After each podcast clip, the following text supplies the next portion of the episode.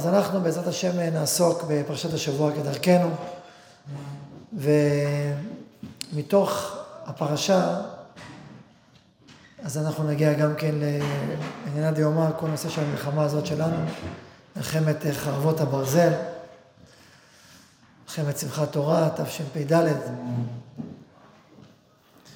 ונתייחס גם לדברים עמוקים יותר, פנימיים יותר. וגם קצת לדברים ש... מה שמוטל עלינו בעת הזאת. אז אנחנו נפתח בפרשה, אחר כך אה, נתעמק. אז קודם כל, כשאנחנו פותחים אה, בפרשה שלנו, פרשת לך לך, אז אה, הדבר הראשון שאנחנו פוגשים, אברהם אבינו מגיע לארץ, דבר ראשון, מקבל ברכה, מקבל נבואה לפני, לפני שהוא מגיע אפילו. הנה אני קורא את הפסוקים הראשונים. ויאמר אדוני אל אברהם, לך לך מארצך וממולדתך ומבית אביך אל ארץ אשר, הארץ אשר הרקע, ואעזך לגוי גדול ואברכך, ואברכך ואגדלה שמך, ואהיה ברכה. אז דבר ראשון, אתה מגיע לארץ ישראל, והברכה עליך, הברכה שורה עליך. ויש קשר בין הארץ לבין הברכה. משמע שבחוץ לארץ אין את הברכה. אתה מגיע לארץ, ואז אתה מתברך. טוב, אז עם זה פותחים את, את הכל, ואברהם אבינו הולך, ואנחנו רואים שבעצם בכל המסעות של אברהם לך, כל הפרשה הזאת, פרשה הבאה, מצד אחד יש לנו איזה סוג של רקע. מה הרקע? והכנעני אז בארץ. הנה תראו, זה כתוב, וילך אברהם כאשר דיבר אליו השם, וילך איתו לוט. אני קופץ רגע לפסוק ו', ויעבור אברהם בארץ עד מקום שכם עד מלון מורים, והכנעני אז בארץ. זאת אומרת, יש פה ארץ, אמ, היא נקראת הרבה פעמים ארץ כנען, והכנעני נמצא בארץ, כנעני אז בארץ, ואברהם מצווה להגיע לארץ, אתה צריך לבוא לפה. יש פה איזה ויכוח עם הכנעני שיושב בארץ, כנראה שהוא ואתם לא באותו מרחב. ואתה צריך להגיע לפה ולפעול פעולות אחרות, אחרת היינו משאירים את הכנעני. ולאורך כל הדרך, לוט הולך איתו. וילך איתו לוט. לוט הוא בעצם דמות שנראית שזה מהנפש אשר עשו בחרן. מתלמידי אברהם אבינו, כבר מחרן. קרובו, תלמידו, גיסו, והוא הולך איתו, והולך איתו לוט.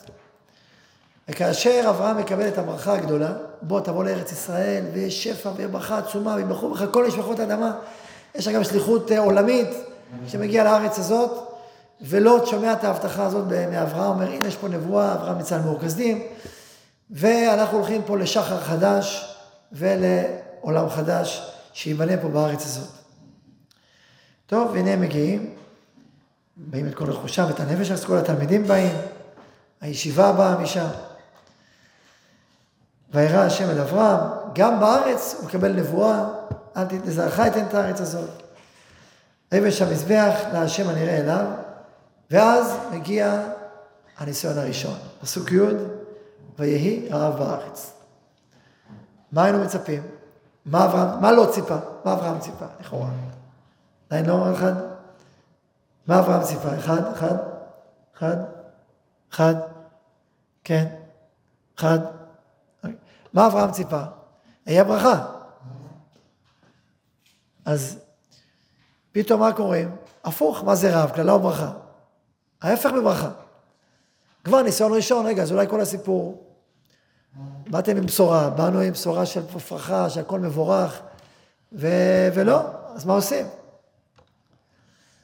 טוב, לא אתה יכול לפרוש עכשיו. להגיד, אה, תשמע, באנו, יש לנו, באנו עם בשורה ואין עינה, אני חוזר, לחרן. אתם יודעים שבעלייה השנייה, חלק גדול מהחלוצים חזרו. לחוץ לארץ. עבדו בשואה.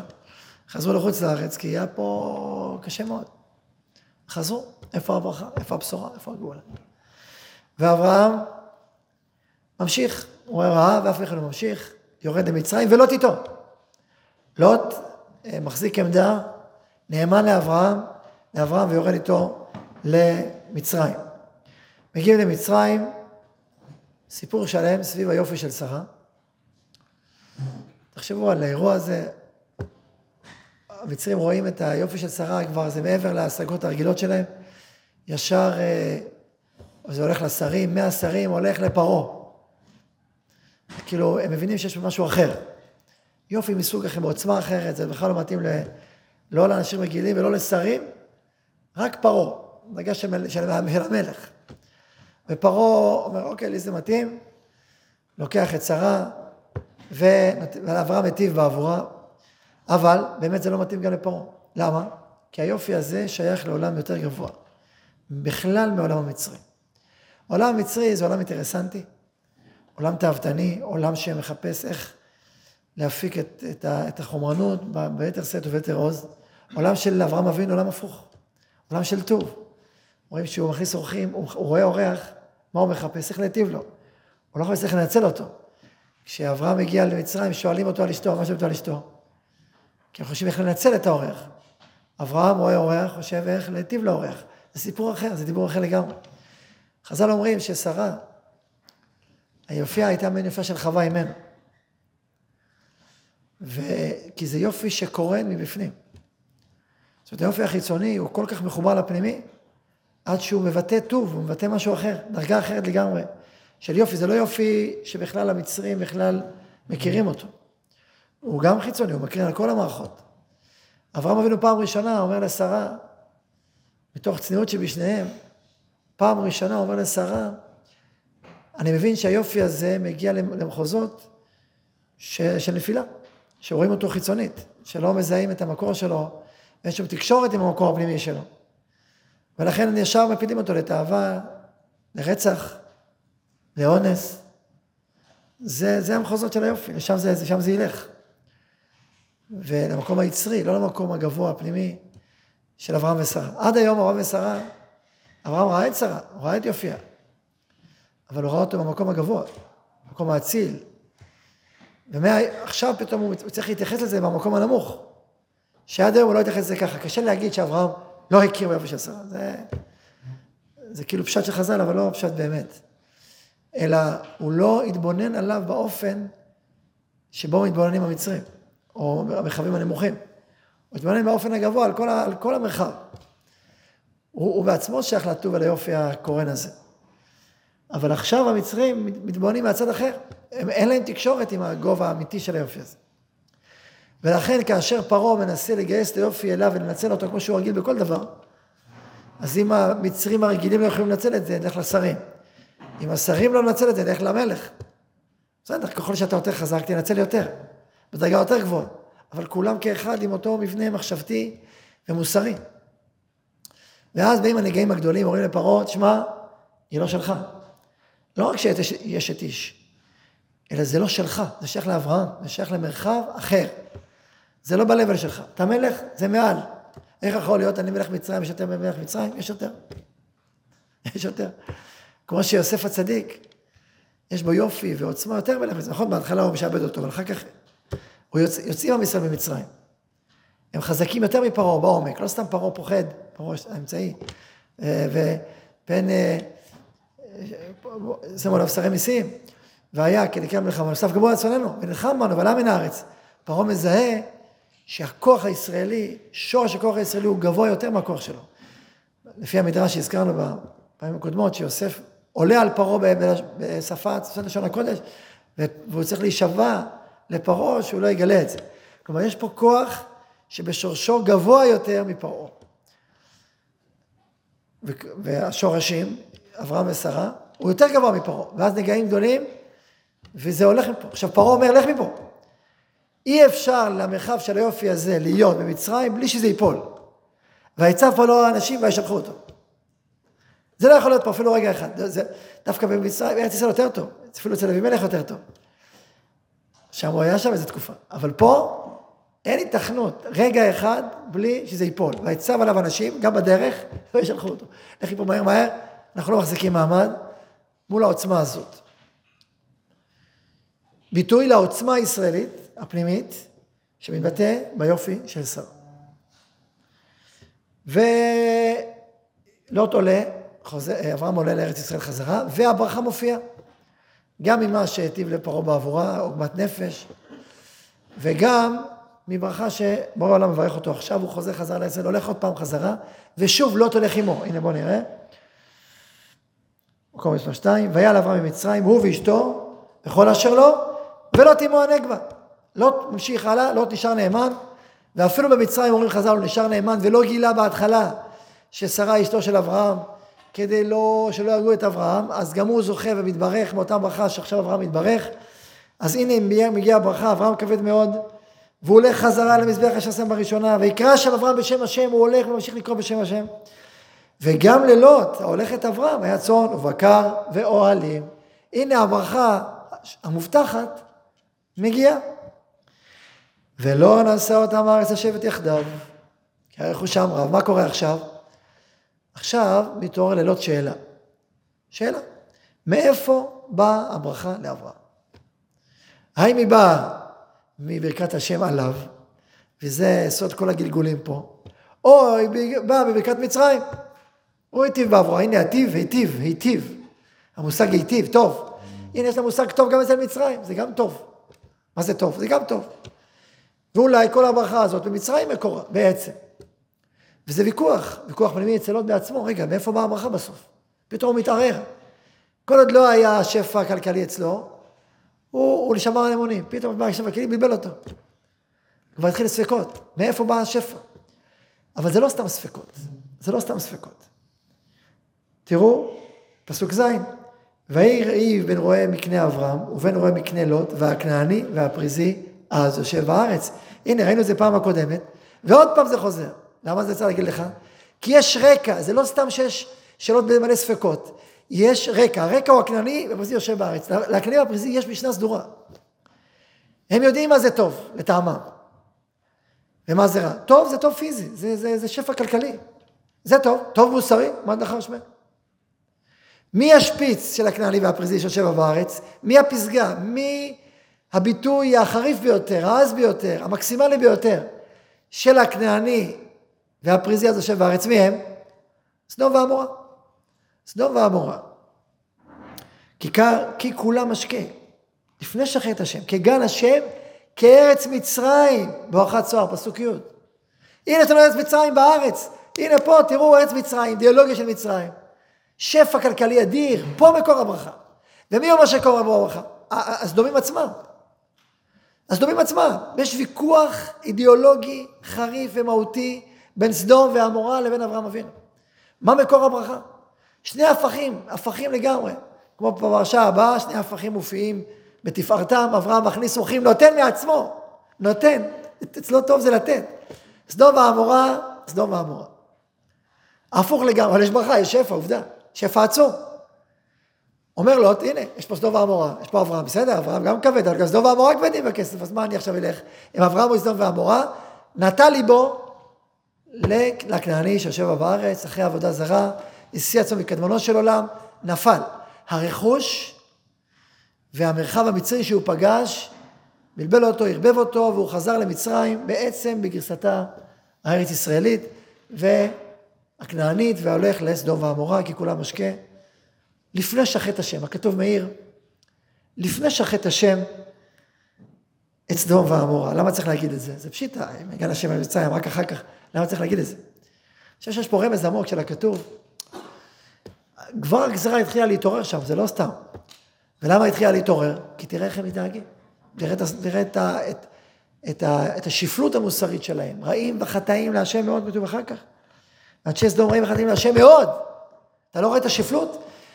זה, מה, מה זאת אומרת? שאדם שיש בו חוש מוסרי, אדם שיש בו חוש רוחני, אדם שיש בו ניצוץ פנימי נשמתי, שרואה את סדום ועמרה אומר אין לזה קיום, אין לזה, אין לזה, אין לזה החזק, זה, זה יתהפך. גם לפני שחט השם, בתוך תוכו הוא אומר זה צריך להישחט. כמו שהיום כל עם חוש מוסרי ורוחני בעולם יודע שחמאס ועזה צריכה להפך. נדבר אחרי זה על ההבחנה, אם יש הבחנה או אין הבחנה. אבל יודע, בוא נגיד לכולי עלמא, שכל איש חמאס הוא בן מוות. כולם, מירשם ועד סופם. יודע, כל מי לו חוש מוסרי, יודע את זה.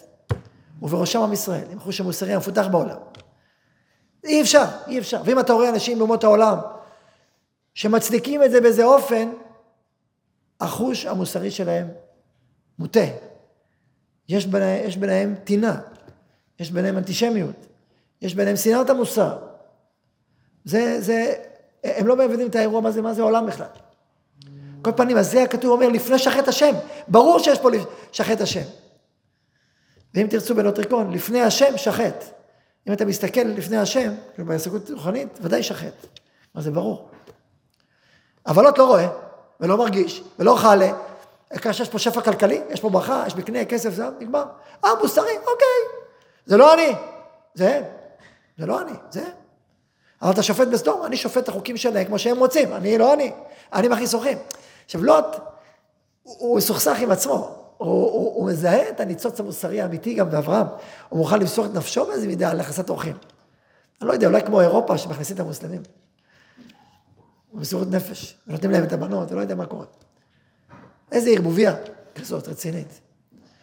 אבל הוא קלט משהו בחנותו של בסם, איזה ניצוץ נכנס בנשמתו, לא סתם הוא ניצל, בזכות אברהם. אבל עדיין, זה שיש בו ניצוץ, אם יגיעו אורחים, אני, אני, אני אכניס אותם, אבל אם לא מגיעים אורחים, אז לא מגיעים, מה אתה רוצה? הם לא פה. ואני אומר, המשל של לוט, שהוא פוסח שני הסעיפים, זה כמו החוויה, לא יודע אם אתם חווים את זה, תמיד אני חווה את זה ככה, שאני עומד ברמזור ומגיע מגיע אדם לקבץ נדבות, אתה רואה שהוא לוקח סמים, והוא לא פה, יהודי, לא יהודי. והוא עומד לך ליד, הוא כאילו, אתה רואה אותו מתקרב ליד הרמזור. לתת או לא לתת? מצד אחד, אתה ממש רוצה לתת, לעזור לאדם, תן לו קצת, זה מסכן, זה חצי בן אדם. מצד שני, האם ההצדקה הזאת תועיל? אם הוא לא יהודי, אולי תבוא לדבר רע, וגם אם הוא יהודי, אולי הוא ייקח את זה למקום לא טוב. אז כן או לא? אז מה אתה מעדיף? שהוא לא יגיע לאוטו. אני מעדיף שהוא לא יגיע לאוטו, להיפטר מהדילמה. דילמה לא פתורה עד הסוף. בסדר, לפעמים אתה אומר, לא, לא נותנים, בסדר, אוקיי, אולי, אולי לכם זה פתור, אני כל הזמן בקונפליקט הזה. אז אני מעדיף לא להיכנס, שלא שלא ניכנס לאירוע, עדיף לעמוד בחוץ. אז אני אומר, להבדיל כמובן, לא, אתה אומר, יש טוב ורע, בוא נלך למקום שאין בו עניים, וככה אני פותר את הבעיה. אם יהיו עניים, אני כולי לי בשבילם. אבל לא בטוח שזו הדרך, שזו הדרך, אז אוקיי, אני במקום שכולם לא כאלה, אם היא כאלה, אז אוקיי, אז אני, אז אני אתעורר. מין? זה הספקות העמוקים של לוט, שבעצם בתוך תוכו הוא כבר הסיע עצמו מקדמונו של עולם, במובן של דרך החיים השלמה, כמו של אברהם אבינו, נתן לעבודה זרה, נתן למצריות, אבל עדיין נשארו בו ניצוצות מסוימים של טוב. שכבר אנחנו יודעים, על פי חז"ל, על פי המשך, שיש בו ניצוצות של אמת, שהתגלו אחר כך בדוד המלך, רות, גומלת החסד, נעמה, וכן על זה הדרך. על כל פנים, אז בעצם יש, הייתי אומר, זה לא רק מאבק בין אברהם לבין סדום.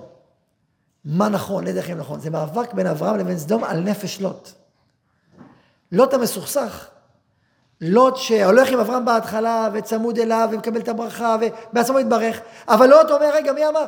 לוט שואל את השאלות הקשות כביכול. והוא לא יודע.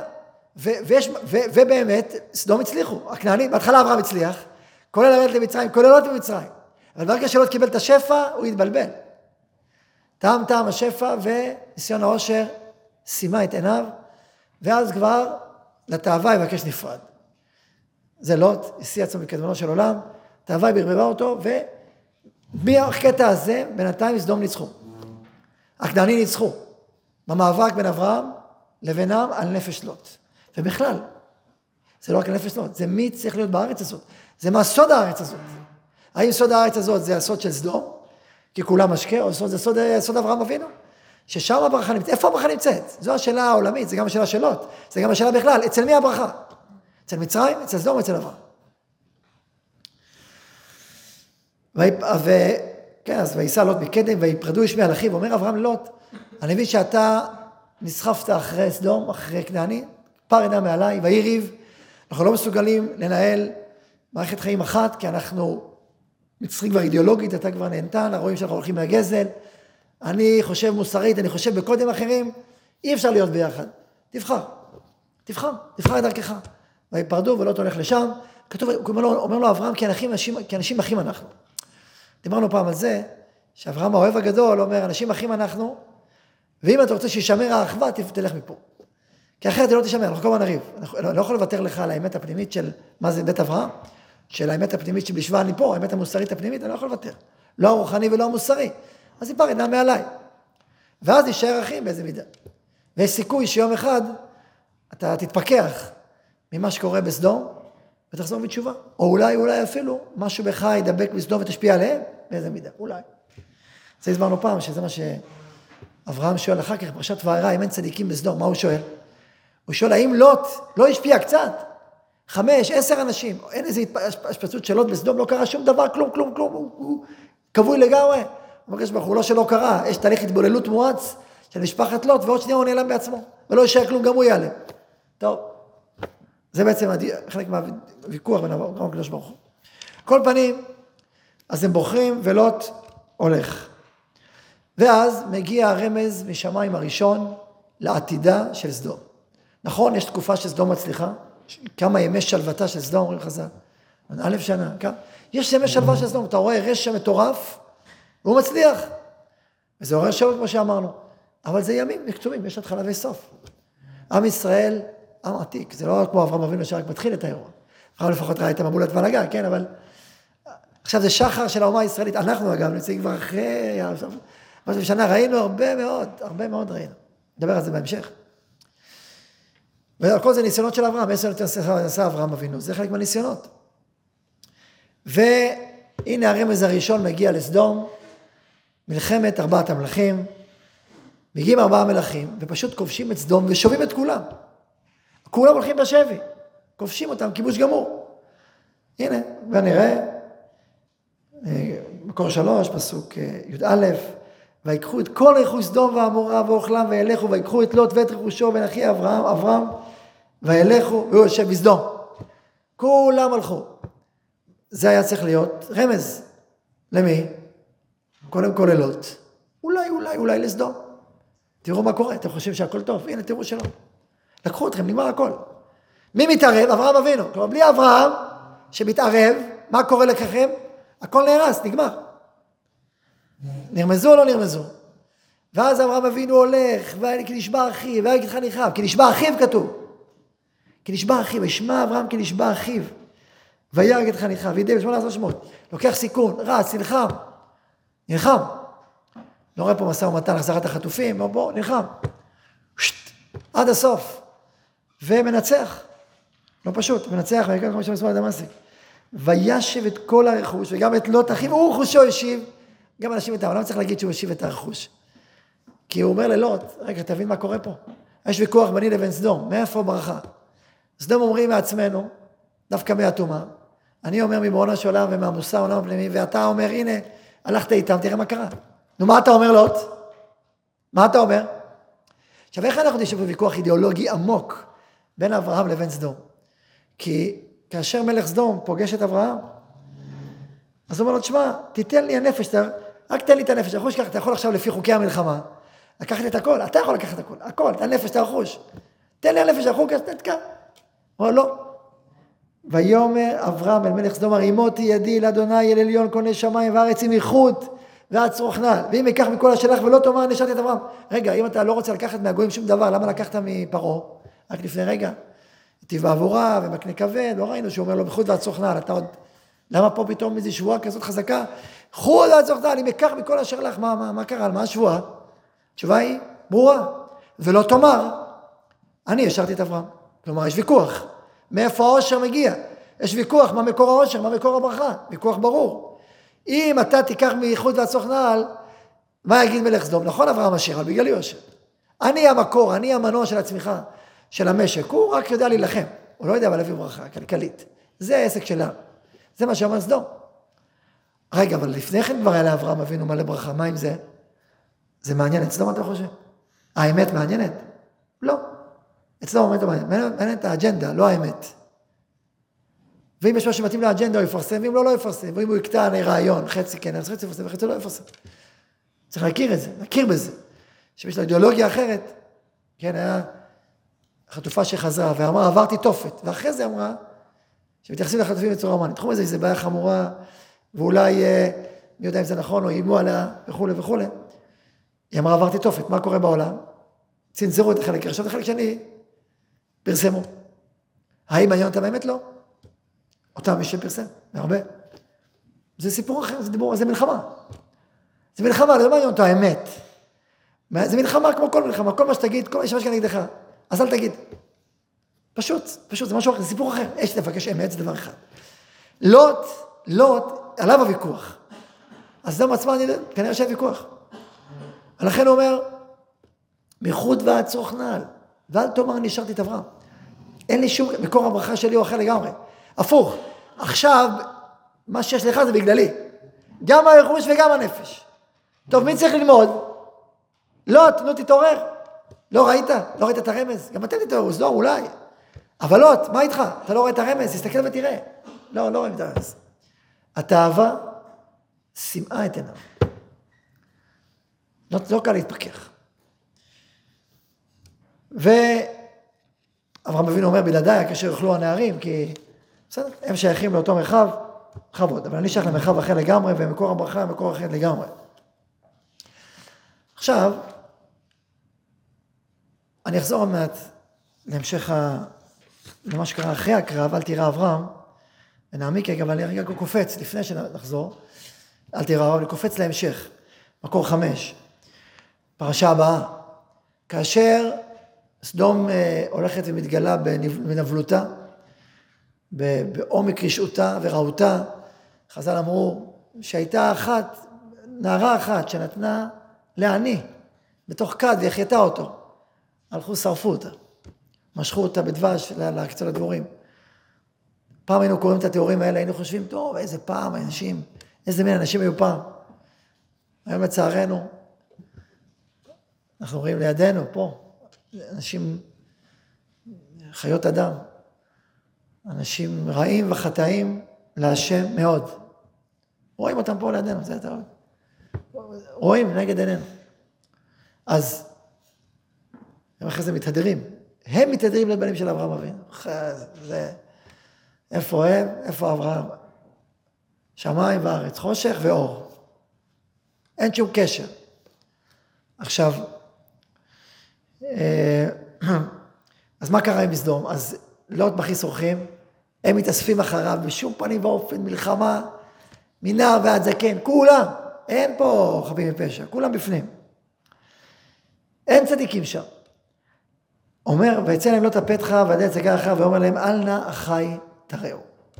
לוט קורא להם אחי. עכשיו פה קורה אירוע בלתי אפשרי. למה? כי אברהם, איך קרא ללוט? איך, איך אברהם קרא ללוט? אנשים אחים אנחנו. וכי נשבע אחיו. לוט לא אמר, אתה לא אח שלי, נכון?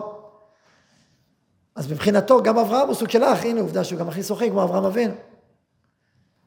גם המילה אורח זה מילה אח. ומצד שני, הוא גם קורא לאנשי סדום החי. גם הם אחים שלך, אתה גם ישב בגבולם, הם, גם אתה מתחבר אליהם, נכון? אז, איך, אז פה עכשיו כבר לא יכול להיות, הבירור הזה כבר לא יכול להיות, תחליט. כי אם גם סדום אחיך וגם אברהם אחיך, אז מה המשוואה צריכה להיות? אברהם אח של סדום, אבל זה לא יכול להיות. זה קצוות שלא נפגשים לעולם. אז אברהם הוא לא אח של סדום, זה, זה, אין, המשוואה הזאת הוכחשה, אין לה שום התכנות. אז תחליט, תחליט מי אחיך, מי אויב ומי אוהב. תחליט, אתה חייב להחליט, אין לך ברירה. אם עד היום השתעשעת במחשבות כאלה ואחרות על סדום, וככה וככה, ורק כלכלי, וכל מיני דברים, מזרח תיכון חדש, כלכלה חדשה, עניינים חדשים, עכשיו אתה חייב להחליט. אין לך ברירה. אתה לא יכול להגיד אח ואח, זה כבר לא מתכנס. לא מתכנס. עכשיו, מי אומר לו את זה? אנשי סדום בעצמם. אתה נרא לך מהם. תבין, חביבי, מה אתה חושב? אין פה משחקים. מה, נראה לך הכל פה זה נחמד? נחמד. דבר יפה, דבר פה, דבר אנגלית. בום! אתה נרא לך מהם. גש הלאה. מה זה גש הלאה? אומרים חז"ל, גש הלאה, לך לאברהם אבינו. האחד בא לגור, אברהם בא לגור פה, ויש פה תשפות, האחד זה אברהם. מה, אתה נציג של אברהם פה אצלנו? לך, לך, לך אליו, לך מפה.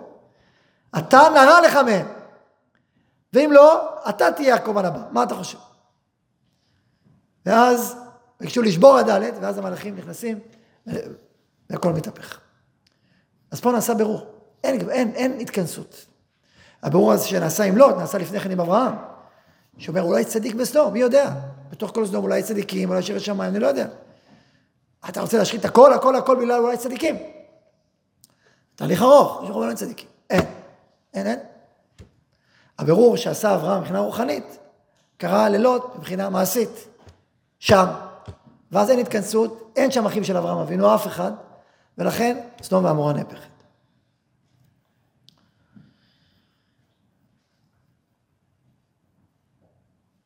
עכשיו, זה הבירור שם. הייתי מוסיף כבר עכשיו, הנקודה הזאת של אה, הסיפור, כן, ההתכתבות מול החמאס, אני אחרי זה אחזור לפסוקים, רק נקודה אחת אני ככה קופץ לסוף, עם איזה נקודה, אנקדוטה אחת. אחד הסיפורים היפים, אני חושב העמוקים שראיתי, ששמעתי במלחמה, ואני אסביר למה אני מתאם את התיאורים האלה על הסיפור, כי זה לא, אני אסביר בדיוק. זה הסיפור הבא. היה איש, יחידה מיוחדת, כנראה איש שב"כ או משהו, שגר ב... באחד הקיבוצים שם. והם כבשו את הקיבוץ בשלב, בשלב ההוא, והתחילו להודיע, בהתחלה הם לא ידעו, שמעו יריות, אמרו אולי זה יריות של צה"ל בכלל. אחרי זה פתאום שומעים ערבית, והם התחילו לקרוז במגפון, כולם לצאת. כבש את הקיבוץ, כולם לצאת. והם הבינו שזה כבר חמאסניקים וזה. והם סיכמו בינם לבין עצמם אגב, שאין שום מצב, היה, היה הוא, אשתו וביתו. הם סיכמו ביניהם, שזה הסיכום שלהם כמו מצדה, שאם הם נכנסים, אז היא אמרה לו, סימנה לבעלה, תהרוג אותי. ואחרי זה את הילדה, ואחרי זה את עצמך. ככה הם סיכמו ביניהם, שאין שום מצב שהם מוצאים. ו... סיפור מזעזע. וטוב, הוא איש אה, לוחם אה, יחידה מיוחדת, הוא אומר, היה לי אקדח, שתי מחסניות קלאסיות ועוד סליק מחסניות לעת פקודה. אז הוא אומר, בדיוק לזמנים האלה. הוא אומר, כל, המחסניות עליי, הכנסתי למאמץ, סגרתי, והתכוננתי. התחילו להגיע. נכנסו התחילו דרך לשבור את החלון. אומר, אז עמדתי בצד עם האקדח. חיכיתי עד הרגע השנייה הנכונה, ברגע שנכנסו, בום, בום, בום. מטווח אפס, הרגתי שלושה. נכנסו, בום, בום, מתו שלושה. ואני ממתין. פתאום אני שומע ממקום אחר, מחלון אחר. ישר רצתי לחלון השני, אותו דתות תורך, מחכה, נכנסים, טו, טו, טו, תפרתי שלושה. טוב, הם מבינים שזה אירוע לא פשוט, המחבלים, מבינים מפה ומפה. אני, ואני כל כך עומד עם האקדח, מפה מחפש. ואז, מהצד, טיל, הכניסו טיל בדלת הראשית. טיל RPG, או טיל בום, משהו פיצוץ, אבל הבית לא נפל. אומר, אוקיי, הבנתי, זזתי הצידה. זזתי הצידה, פתאום נכנסים. יריות, חיסלתי אותם. היה קרב שעתיים. הוא באמצע שהוא נסוג בתוך הבית, בין המסדרונות. והוא יורה, ויורה, ויורה. חיסל שם לפחות בין אולי 12 מחבלים. ובאיזשהו שלב, אחרי איזה קרב רציני, אני שומע ג'יפ וצעקות. ואז אחד צועק לי מבחוץ, תיכנע. אם תיכנע, לא נעשה לך שום דבר. ואני מסתכל מהצד ואומר, ראיתי, זה המפקד שלהם, עם RPG. אומר, תשמע, זה עכשיו אני RPG על הממ"ד שלך. תיכנע, אם לא תיכנע, בוא תיכנע. עכשיו הוא אומר, הבנתי, תוך כדי תנועה אומר, שהם ידעו מי אני. כלומר, הם קיבלו מידע, כנראה מהפועלים שם, שהכניסו אותם ברוב נדיבותם. לא נדיבותם האמיתי, אבל איך עם החסד שנשבע לבין הגויים. אז, אז הם ידעו, הם רצו אותי ספציפית שבוי. ולכן הם לא מראש, כל הזמן רק פיצצו, פיצצו, כי הם רצו, ולכן הם כל כך נלחמו. ואני אמרתי, אין מצב, אני לא... אבל, אמרו לי, תיכנע. הוא אומר, אחד דיבר אנגלית רהוטה, ומתחיל משא ומתן. ואז הוא מתחיל לדבר איתו, משה, אני מושך את הזמן, מדבר איתו פה, מדבר איתו שם. אמר לו, למה אתם עושים את זה? אמר לו, נכון, זה באמת, האסלאם נגד פגיעה בנשים וילדים. אז בוא תצא, אני אדאג, נדאג למשפחה שלך, נדאג לאשתך, נדאג לילדה, אל תדאג, הכל יהיה בסדר. אמר לו, לא רק זה, אני אתן לך גם כוס מים, אתה כבר כמה שעות לא שתית, אל תדאג, הכל יהיה בסדר. רק תיכנע. חלקת לשונה. והוא אומר לו, בסדר, בסדר. עכשיו, הוא ידע בתוך תוכו אין מצב. ואז הוא אומר לו, טוב, הוא אני רוצה להיכנע. לא, אתה אומר שאתה לא נכנע, תתחיל לספור לאחור. 20, 18, 19, זה אני מטיל. ב-12 אמרתי לו, בסדר, אני נכנע. נו, אז תיכנע. מה אתה רוצה? תזרוק את האקדח, תרים את הידיים. אמר לו, תשמע, אני מוכן לזרוק את האקדח, אבל אתה רוצה הבטחה שלך שלא יונה כל רע למשפחה שלי. ההבטחה שלי. ואז הוא אמר לו ככה, צריך תקשיבו טוב. אמר, תשמע, אה, אה, בסדר, אוקיי, אני רוצה לזרוק, אבל אני רואה את ה-RPG שלך, אולי תוריד את ה-RPG, איך בדיוק אתה רוצה שאני אזרוק את האקדח, אבל אתה לא מוכן לזרוק את ה-RPG. אז מה, זה, אז מה אתה מדבר איתי שאתה לא תחסל את כולם? אומר, הוא היסס שנייה, אומר לי, אתה צודק, זה משא ומתן שלהם. אומר לי, הם הבינו בדיוק מה הם עושים, מה הם רוצים. ואז הוא רגע הוריד לשנייה את הטיל. הוא אומר, ברגע הזה הסתערתי עליו, חיסלתי אותו. ואז הוא חזר לבית, וניצל. ניצלו, זה הסיפור. למה הסיפור כזה יפה? למה הסיפור כזה יפה? כי זה בדיוק איך שצריך לעבוד, בדיוק הפוך. הוא מדבר איתך יפה, שפה יפה, באנגלית, הוא משחק אותה כאילו הוא מוסרי וכאילו נחמד, והכל הכל הכל שפת חלקות, בלב הלב ידברו, בשביל לצוד את העני ברשתו. הוא היה חוטף את שלושתם. במקרה, במקרה או שהורג אותם, או שהורג אותם לעיניו, ואחרי זה שובה אותו. זה מה שהוא עושה בטוח, אין שום שאלה. אז הוא כאילו שיחק איתו, הלך, הטעה אותו, והרג אותו. זה צריך לעבוד, ככה צריך לעבוד, בדיוק הפוך. העונה צריכה להיות הפוך, כאילו אתה מתפתה והפוך, לא, לא הפוך, כמו שאנחנו, כל איזה ציוץ של שלום מאנשי מלחמה ורשע, אנחנו מתפתים, מרוב אהבת השלום והטוב שבנו, והאמונה שלנו בטוב האדם. אז, אבל זה התחיל בהחלטה נחושה מראש, הוא הבין בדיוק את האירוע. הוא הבין טוב טוב את האירוע. וככה הוא פעל. זה אני אומר בהקשר הזה, כשאתה עושה משא ומתן עם החוטפים, עם אנשי סדום, אתה רואה בדיוק, אז צריך לדעת מה, מי, מי ומה הם. לוט התכוון ברצינות, נתן לך האור, קחו את הבנות, בואו נעשה. נתן להם תאוות, קחו. זה לא, אתה לא מבין, זה לא העניין של תאוות, זה עניין של אידיאולוגיה. זה יותר עמוק. זה יותר גרוע מה שאתה חושב. גם תאוות, לא שם אוניברסיטה מתאוות. ראינו עכשיו, האנשים השפלים האלה, חוץ מהיצרים הרעים, חוץ מסישורות הדמים, חוץ מהלת הדתי האלילי, גם כסף הבטיחו להם, גם דירות הבטיחו להם. בואו, שיהיה לא לשמה, לא לשמה ולא לשמה. שאת כל, את כל התאוות והנמיכות של העולם הזה. בסדר, זה הרוע. כל פנים, סיפרתי את הסיפור הזה בהקשר של המשא ומתן עם לוט, והחד משמעיות, החד משמעיות. על כל פנים, נעשה ברור, ושם, שפיכת סדום, כלומר לוט לא, לא הספיק לו, לא הצליח להבין את הפעימה הראשונה, הפעימה השנייה פשוט לא הותירה לו ברירה, הוא כן עמד בניסיון של הכנסת האורחים. כי מעולם הכניס אותם, הוא הולך איתם. איתם. זו הנקודה שבה הייתה עמד בניסיון, בנקודה שהיה לו רצון להכניס אורחים באמת. מעורבב, מעורבב וכולי וכולי, אבל עדיין היה פה נקודת אמת.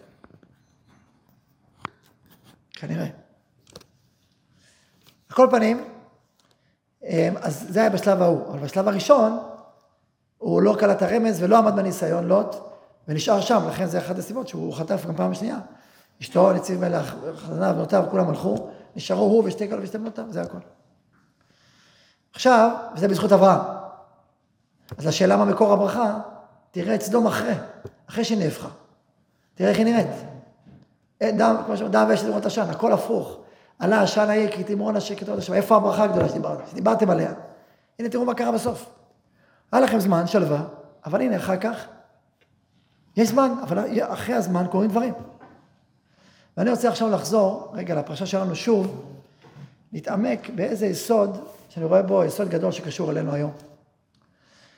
מיד אחרי המלחמה בארבעת המלכים, בניצחון גדול של אברהם אבינו, כתוב, ואני עכשיו חוזר למקום מספר 4, אחר הדברים האלה היה דבר אדוני לאברהם במחזה לאמור, אל תירא אברהם, אנוכי מגן לך, שכרך הרבה מאוד. וכמובן שהקדוש ברוך הוא אומר לאברהם, אל תירא אברהם, סימן שהוא ירה. סימן שאברהם אבינו עם הגדולה והעוצמה שלו, והמלחמה האדירה שלו, והניצחון שלו, מעטים מול רבים, מול אה, מלחמה אזורית זה היה, זה לא מלחמה אפילו אחת, ארבעה מלכים, מלכים גיבורים. הוא ניצח את המנצחים במלחמה האזורית. עם קומץ של אנשים, שמונה ושלוש עשרה, מה זה? ו, והוא ניצח, אתה רואה אדם ענק, אבל היה פה, היה פה יראה. גם אברהם אבינו, היה לו יראה. מה היראה? מה, ממה, ממה פחד אברהם? וכשמתבוננים בשאלה הזאת על פי חז"ל, אנחנו מגלים כמה סיבות. תסתכלו במקום מספר 6. אנוכי מגן לך. רבי לוי אמר תרתן ורבנין אמר, אמר אחד. רבי לוי אמר, לפי שהוויה אברנו מתפחד ואומר, תאמר אותן אוכלוסין שהרגתי, שהיה בהם צדיק אחד וירא שמיים אחד.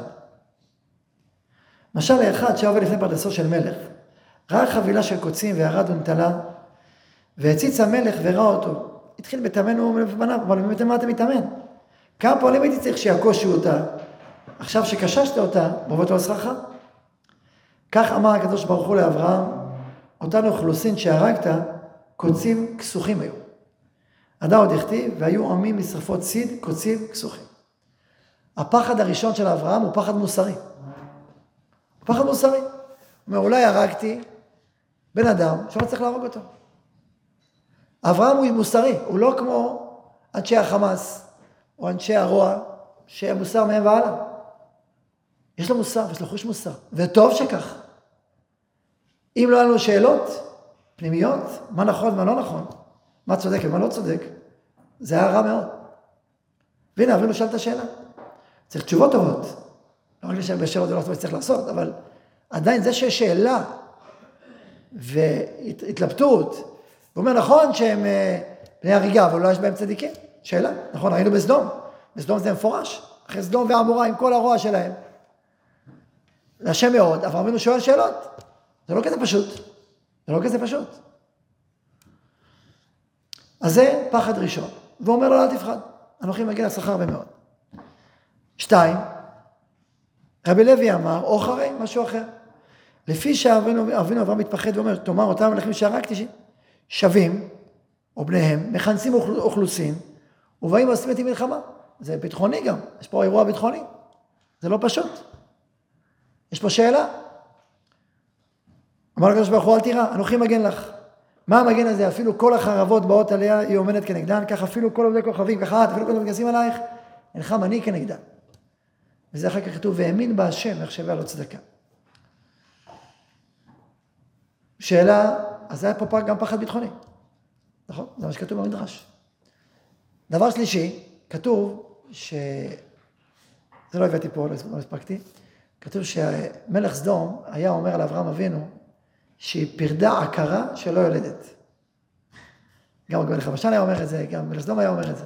מה, מה זה האמירה הזאת לפי מה שאמרנו? אין לו ברכה. מה, יש לו ברכה, רכוש? הנה הוא הצליח במלחמה? עזבו אתכם שטויות, זה לא מגיע אליו בכלל. כל מה שיהיה, אין לו המשכיות. אין מי שירש אותו. אז מה זה אומר? שכל הברכה הזאת כולה, בסוף אנחנו נירש אותה. הכנענים ירשו אותה, העבד שלו ירש אותה, העבד כנעני. אז מה בעצם כל הסיפור? אל תיבהלו, הכל הכל אין המשכיות, אז אין לו ברכה. פרידה, הכרה שלא יולדת. אומר לו, אז אומר בעצם, בעצם הפחד הוא שלא יהיה לו המשך. זה הפחד. עשיתי, לחמתי, ניצחתי את סדום, הוכחתי לכולם, הוכחתי ללוט איפה הברכה נמצאת. אבל, אם אין לי המשך, אז מה יהיה על המסר שלי? שזה פחד רוחני על המסר, על, על ההמשך, על, על, על המשמעות, על הבשורה של אברהם אבינו. אז מה יהיה עם ההמשך? וזה הפשט של הפסוקים. אל תירא והולכים להגיע לשכר הרבה מאוד. מה שכר הרבה מאוד? אז נחזור חזרה. אה, פסוק... אה, שכר הרבה מאוד. ואומר אברהם, השם אני מה תיתן לי? ואנוכי הולך הרי, הוא אומר שדמס גליעזר. זאת אומרת, הנה, עכשיו הוא הולך ומגלה, לפי הפירוש הזה, מה, מה הפריע לו, מה הוא חשש. כאילו, הפסוקים הולכים ומגלים את עצמם. ויאמר אברהם, אין לי לתת הזרע, והנה בן ביתי יורש אותי. אז, עכשיו, זה לא רק שאלה פשוטה, זו שאלה מהותית. אתה רוצה שאני אבטא בעולם צדקה ומשפט. שלמד בטוב ונאמר בטוב אחריו. צדקה ומשפט, כמו שראינו אחר כך בפרשה הבאה. אתה הבאת אותי לארץ ישראל לברך את כולם, אבל אם אני לא מתברך, אז איזה מסר יש לי לעולם? ובוויכוח עם סדום אני אצא מופסד, ובסוף זה לא ילך כלום. אז זה הפחד שלו, מה זה עוזר הכל? אומר לו, ויהי דבר אדוני אליו לאמור, לא יירשך זה, כי אם אשר יצא ממאיך הוא יירשך, והוציא אותו החוצה, ויאמר בית נעשה אסור רק רחבים, תוכל לספור אותם? כה יזרעך, והאמין באדוני. ויחשביה לא צדקה. אני חושב שהאמין בהשם הזה, זאת התרופה העמוקה לכל הפחדים הפנימיים. והאמין באדוני, ויחשביה לא צדקה. אני רוצה להסביר את זה. ועכשיו קצת לדבר גם על המערכה שלנו. טוב, קודם כל אצל אברהם אבינו האמין בהשם, זה לכאורה פשוט, כי יש נבואה. אמנם המציאות היא, היא שואלת שאלות. אברהם אבינו כבר זקן ואין לו ילדים. זה לא פשוט להאמין בנבואה כאשר המציאות שואלת שאלות. הרי אברהם אבינו זה לא כמונו אחריו, אחרי אחריו. אז יש לו שאלות, אז בסדר, הוא מאמין מוחלט, אבל יש ניסיון, זה נקרא ניסיון. עד גיל 99 ולא זכה לילדים. יש ניסיון, ניסיון לשרה, ניסיון לאברהם, רואים ששרה אמרה, אחרי בלותי הייתה לי עדנה. נכון? רואים את זה. אז יש פה ניסיון. ו... והוא האמין בהשם. האמין שיהיה לו זרע. האמין, אומר לקדוש ברוך הוא, אל תדאג, מוסרית זה מאה אחוז. האמין בהשם. האמין בהשם, שאומר לו, גם מוסרית מאה אחוז, גם ביטחונית, אל תדאג. אני מגן לך. האמין בהשם. וזה, ועכשוויה לא צדקה. האמונה הזאת היא חלק מהצדקות וחלק מהצדק של אברהם אבינו. זה שם. אם אנחנו נדבר גם קצת על היום, ואחר כך בסוף, אני רוצה להגיד אה, עניין אחד מהזוהר הקדוש. נספיק בלי ידע. אז קודם כל, המלחמה הזאת שאנחנו בעיצומה,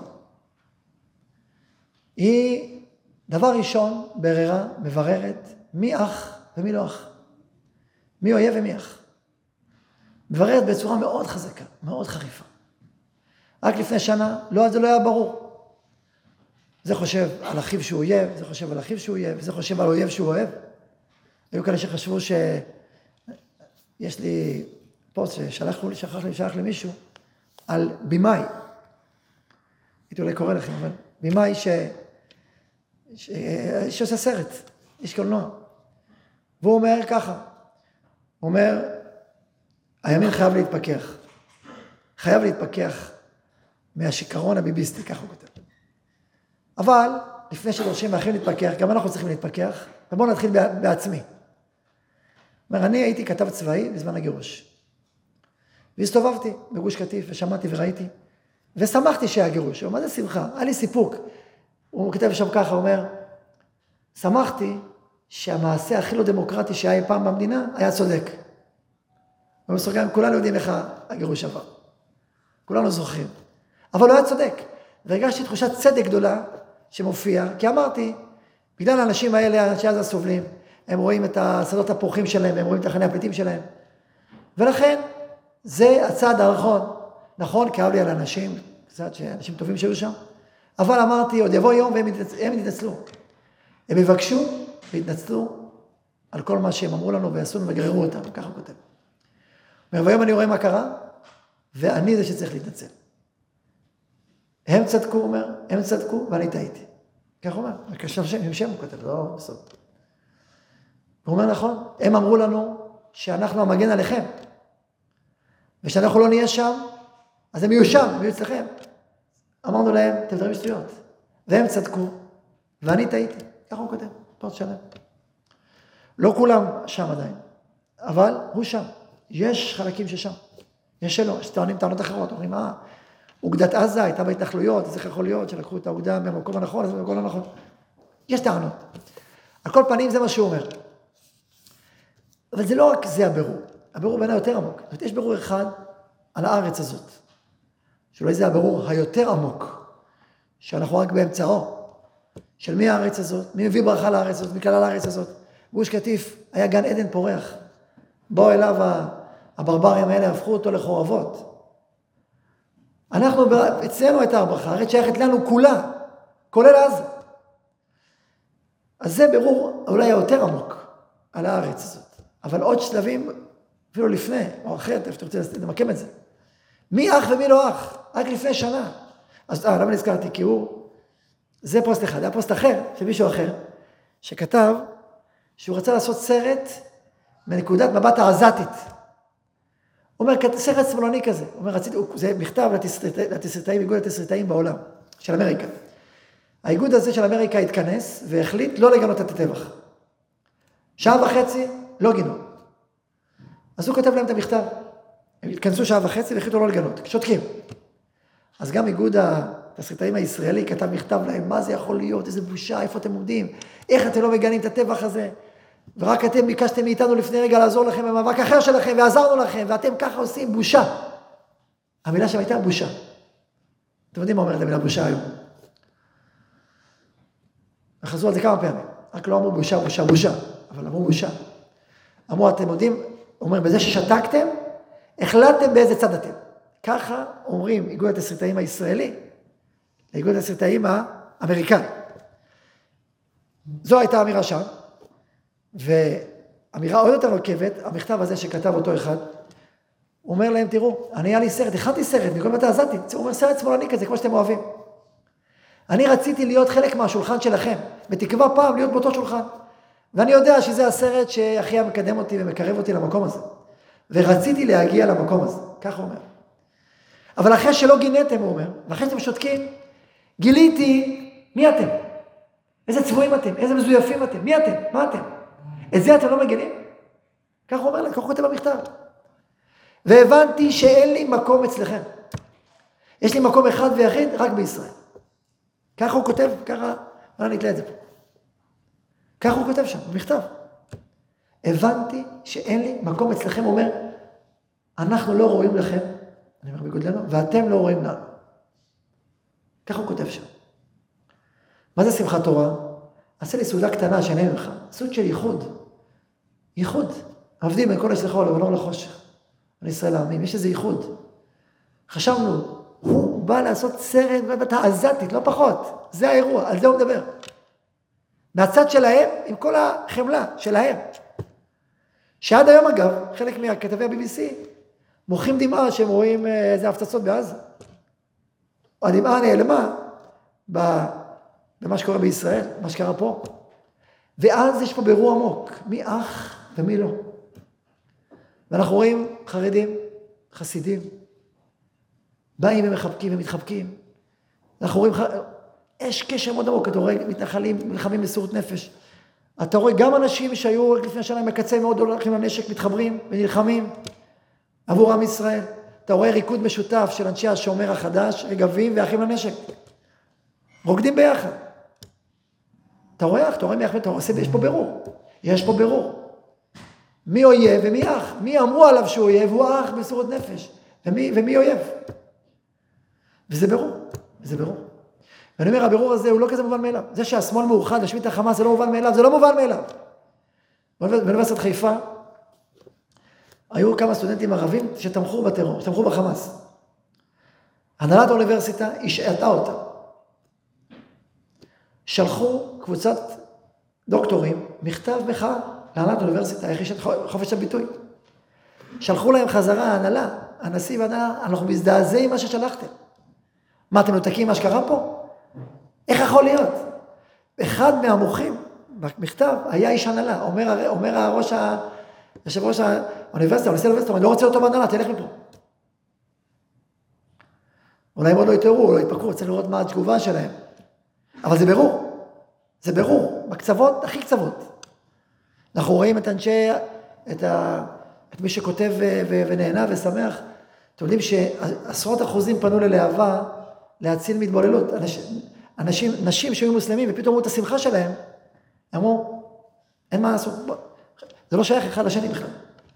מתברר מי אח אח. אגב, אני צריך, צריך למען האמת וההגינות להגיד, שגם מצד ימין, אני באתי לך מצד שמאל, גם מצד ימין, הייתה הפגנה הזויה במאה שערים, של קומץ, שתומך באש"ף, עשה תהלוכה עם דגל אש"ף. גם זה ברור. לדעתי אנשים צריכים מגורשים בארץ. מגורשים מפה. אם החשיבה שלכם כל כך הסתובבה, אגב, סאטמר לא ככה, גם מלחמת יום כיפור, אדמו"ר מסאטמר היה בעד ישראל. אבל יש קצה של הקצה של הקצה. אלה, מחק... אלה מחבקי האיראנים, שהם גם כן חצו את הגבול. האנשים האלה צריכים להיות מגורשים מארץ, הם לא צריכים להיות פה. זה גם קצה. גם הקצה הזה הוא קיים, וגם אותו צריך לדעת שהוא קיים. שאם אתה מגזים, גם בצד ימין אתה מגיע לשנאת ישראל ולשנאה ולהיות רודף, שקרא לישראל. זה נקרא רודף. מי שמתחבק ו- ומתחזק ומחבק את, ה- את הגויים, כשהם רוצחים, הוא בחינה של רודף. אני לא אומר עכשיו פסק הלכה. מה לעשות, מה, מה עשית? אני קורא פסק הלכה, אני לא אומר מה מהותית. הוא לא צריך להיות פה. גם בצד הזה של המטבע, ויש צד כזה בעולם גם כן, צריך לדעת שהוא קיים. גם זה קיים. ש, ש, שמאבדים את האחווה. אבל אני, למה אני מזכיר את זה? לא בשביל להזכיר את הקצוות בשביל לכעוס עליהם, לא. בשביל להגיד שזה לא מובן מאליו ש-99.9 מחוברים, מחוברקים ומאוחדים. זה לא מובן מאליו. וצריך לשים לב אליו. מי זה אח ומי זה לא אח. אתה לא יכול להיות אח של החמאס ואח של ישראל, זה לא עובד ביחד, אין דבר כזה. תבחר צד, בחרת צד. זה חד משמעי. זה ברור, זה בהיר, כשרואים את הסדומיות הזאת, ומבינים אותה וחווים אותה על בשרנו, האחווה הפנימית מתגלה בכל תוקפה, אחווה ישראלית, הנשמה הישראלית מתעוררת, ואין שאלה, זה חד משמעי. נעשה ברור. הבירור הזה הוא כל כך חשוב לנו, כל כך משמעותי לנו. שאלה. אז, אם, אז, אז רגע, אז, אז מה אנחנו אומרים עכשיו? אנחנו לפני רגע אמרנו שצריך להגיע לכל ארץ ישראל. וצריך מדינה יהודית, וצריך... אז אם, אם עכשיו חושב אחרת, בסדר, ברור שיש ויכוחים בין אחים. יש ויכוחים, אבל בין אחים. בין אחים. וצריך להבין שזה בין אחים. אני אומר, אנחנו צריכים לחלום ולחנך, וגם להיאבק, אבל בין אחים, שהאחווה היא העומק, היא השורש, היא, היא השורש של הכל. משם זה צריך לבוא, ולשם זה צריך ללכת. וצריך לשמור היטב היטב על האחדות הזאת, במרקם הפנימי הזה. וזה כבר קורה תוך כדי תנועה.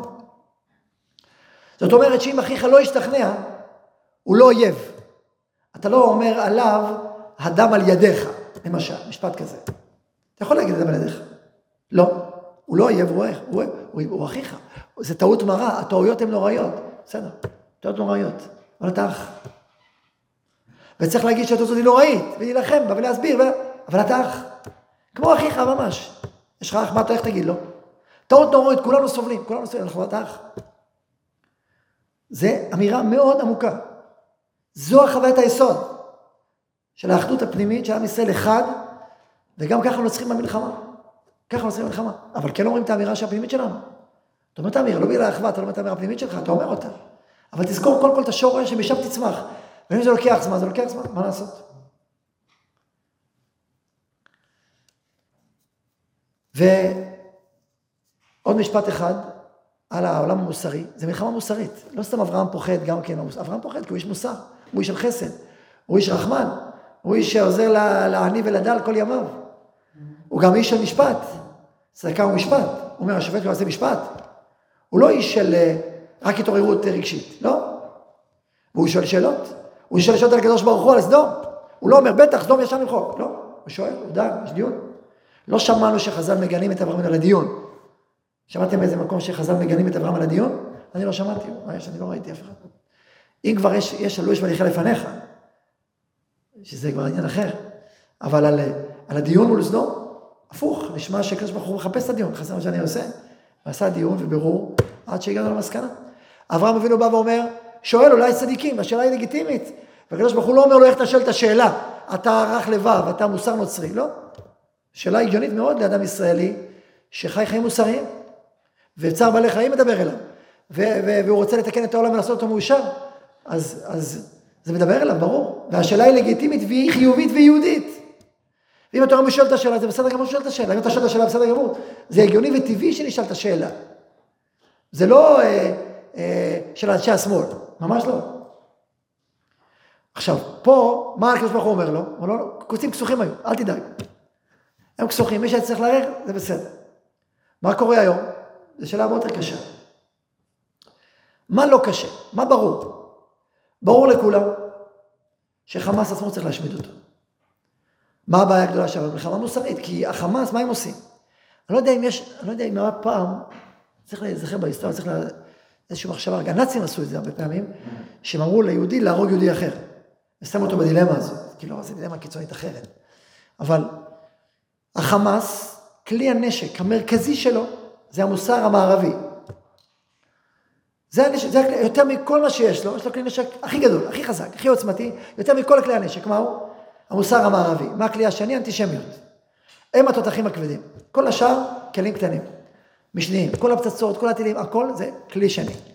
הכלי הראשון זה המוסר המערבי והשני האנטישמיות. המוסר המערבי, פשוט מאוד, הוא הבין שאתה לא תפגיז אזרחים, אז הוא משתמש באזרחים להפגיז את ילדיך, ואת אזרחיך, ואת חייליך. אז הוא משתמש, זה, זה הנשק שלו. הנשק שלו זה המוסר המערבי. זה מובחן, זה מובהק, זה על השולחן.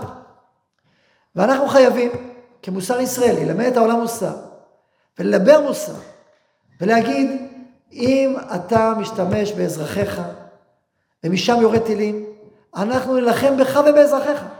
חד משמעית, ייפגעו, ייפגעו. ייפגעו, ייפגעו. האם יש לנו עניין עקרוני באזרחיך מצד אזרחיך? אני אומר לא, אפשר לדון על זה. אבל אם יש לנו עניין להכניע אותך, חד משמעית כן, בטח, עד רדיתה. נכניע אותך. תשים את האזרח כמגן אנושי, אז האם בשביל זה לא, נמשיך לספוג טילים וכל מה ש... ברור שלא, חד משמעית. זה הדילמה שעומדת בפני עם ישראל היום. ברור לכולם להשמיד את החמאס, אחד. ברור לכולם שהוא שם את האזרחים מגן, שתיים. עכשיו בואו נעשה, בואו נפתח את המשוואה.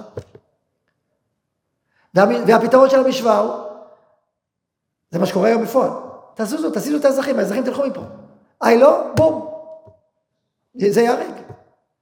עכשיו שאלה יותר קשה, יותר שלמה. האם צריך לכתחילה, ל... ל... זה, זה צריך לדון על זה. זה יש פה דיונים בינינו, יש מה לדון בזה, ועל זה אני מכריז ואומר שאנחנו רוצים לעשות בית מדרש למוסר מלחמה, בזמן הקרוב. היו פה חבורה שהתאספה עם נתנאל אה, רדבי. אנחנו רוצים לעשות חבורות על זה, ו... אבל בימי שישי, הפסקות צהריים, מי שרוצה מוזמן, נדבר על זה פרטים בהמשך. נדון, יש לזה מאמרים שלמים. למשל, הרב ישראל יש לו מאמר ארוך על המצור בביירות, מפורט מאוד, רחב מאוד, ושם עכשיו מתייחס לשאלה הזאת, והוא למשל אגב אומר שאסור להרוג אזרחים סתם. סתם שתדעו, הרב ישראל למיגוני ישראל לדור הקודם, ככה הוא אומר. הוא אומר, מי זה מפריע לך על פעולת התגמול? ברור שכן. אבל להרוג אזרחים סתם יש אזרחים? הוא אומר שלא, רק שתדעו. הרב ישראלי לא חשוד על תבוסתנות, אז, אה, ולא על אה, מיעוט תורה, ולא על מיעוט מוסר. אז סתם אני אומר, כדאי לדעת את זה, אבל נעשה את זה בית מדרש. נביא מקורות, נביא ראיות. יש גם עוד לצד שני. יש לנו את הנערות בבל בסוף הפרק המפורסם. אז יש גם צד שני בעולם, אבל נדבר בזה. על כל פנים, אני אומר, מה שברור, אז, אז בוא יש בו דיון, אבל מה שברור, שיש פה חמאס, אתה צריך להשמיד. בוא נגיד ככה, לדעתי אין שום שאלה מוסרית מבחינה תורנית, יסודית, שאם משתמשים בבית חולים לייצר ולבנות שם את הרקטות ואת כל המערכת, צריך להשמיד, להגיד לבית חולים תצאו מפה, אם לא, אין מה לעשות, מצטער מאוד. לא יכול להיות שהחולה שלך יגרום למוות שלי. בשום פנים ואופן, לא יקום ולא יהיה. שאלה נוספת, האם צריך לסכן חיי חיילים? בשביל זה גם לא. על זה צריך לדבר, צריך לפתח, ולדבר מוסר, ולהסביר מוסר ישראלי לעולם, לא מוסר נוצרי. אבל מצד שני, גם לא נאציות אה, אסלאמית או גרמנית. גם זה לא. יש לנו דרך שלנו. ואותה אנחנו צריכים לפלס, ואותה ללמד, ללמד לעולם כולו. וזה המלחמה פה היום. זה שורש המלחמה, ועליה אנחנו צריכים לדבר דברים ברורים ונחרצים. זה ההזדמנות, וזה, אני אומר, מספר אחד של המלחמה. על גבי זה יש גם את האנטישמיות, הבנה מה זה ישראל, מה זה עובדים ולקרוא לכל ישראל העמים, מה, מה זה עם ישראל, למה, למה יש אנטישמיות בעולם? שזה הכלי השני של המלחמה. להבין מי אנחנו ומה אנחנו. להמשיך את הדרך הרוחנית הגדולה של החינוך שלנו. אל תירא אברהם. וכשאנחנו מחוברים לאמת הפנימית שלנו, והאמין בהשם, יש לנו מי לסמוך. ואנחנו לא רק אברהם אבינו אז, האמין בהשם, אנחנו רואים את הנבואות מתממשות. את כה יזריך מתממש. את נצח ישראל מתממש, חזרנו לארץ ישראל, זה מתממש. אנחנו הנבואות שהתממשו. אנחנו נצח ישראל שהתממש, אנחנו לא מדברים על נצח שיהיה. אנחנו נצח ישראל. אנחנו 3,500 שנה, אנחנו בילינו את כל אויבינו. אימפריות אדירות, לא רק חמאס, אימפריות ענקיות, בילינו אותן. עברו מן העולם, עם ישראל חי, וחוזר, וחוזר לארצו, והאמין בהשם. אין לו צדקה. וזה, את הכוח הזה אצל בית המדרש צריך לייצר, ליצור. זה נמצא בנשמות של ישראל. אבל בית המדרש צריך להפיח את הרוח הזאת, עוד ועוד רוח ועוד כוח, ועוד פנימיות, ועוד תורה, ועוד אמת, ועוד מוסר. זה התפקיד שלנו, הגדול, הראשי, המרכזי. אני אסיים. ב... ואני אומר את זה גם, גם מול הפחד הביטחוני, שעם ישראל חי, עם ישראל חזק מכל אויביו, גם ברוחני וגם בפיזי. השם איתנו, אל תיראו. ואני רוצה לסיים במשפט אחרון בזוהר הקדוש, מקור מספר 6, אה, לא 6, 7. טוב, אולי את זה נניח להתוועדות. שהשבוע מה רוצה לעשות התוועדות, פנימית, אז אני אגיד רק כמשפט, אנחנו מצפים מכל אירוע, מכל מלחמה כזו גדולה, מכל אירועים כאלה מטלטלים, לא רק להשמיד את החמאס, לא רק הרצון אפשר לחזור לארץ ישראל השלמה, לא רק הריבונות, אלא עוד שלב בגאולה. אנחנו רוצים, ושהחיילים ומתפללים, שעם ישראל יעלה קומה. שהפנימיות של ישראל תעלה קומה. שהשליחות שלנו בעולם תעלה קומה. שהגאולה תהיה בעוד צעד פנימי, שאנחנו נתקדם. שכל צעד כזה יקדם אותנו יותר עמוק ויותר עמוק. שכל חייל שנופל, שכל ישראלי קדוש שנשפכו דמם, חוץ מזה שננקום את דמו ושקדושה תתעורר, אלא הגאולה תתקדם. אנחנו נתפתח עוד ועוד ועוד. שהניצוצי הגאולה שאנחנו בעיצומם יעלו כמה דרגות בעקבות האירועים הכל כך כואבים, כל כך מטלטלים, כל כך מעוררים, שאנחנו חווים. אז יהי רצון, זה בעצם הסוד של הנקודה של הזו שרציתי להביא, אבל בוא נראה את זה כבר, בעזרת השם, בהתוועדות, אז יהי רצון שנזכה לבדמי חיים, שעם ישראל יתעורר ויעלה צעד אחרי צעד, גם בתבונה ומוסר, גם בעוז רוח, גם בהתלכדות, גם בהחזרת השבויים והנדרים, וגם שנעלה קומה בגאולת ישראל, וכן יהי רצון, נאמר.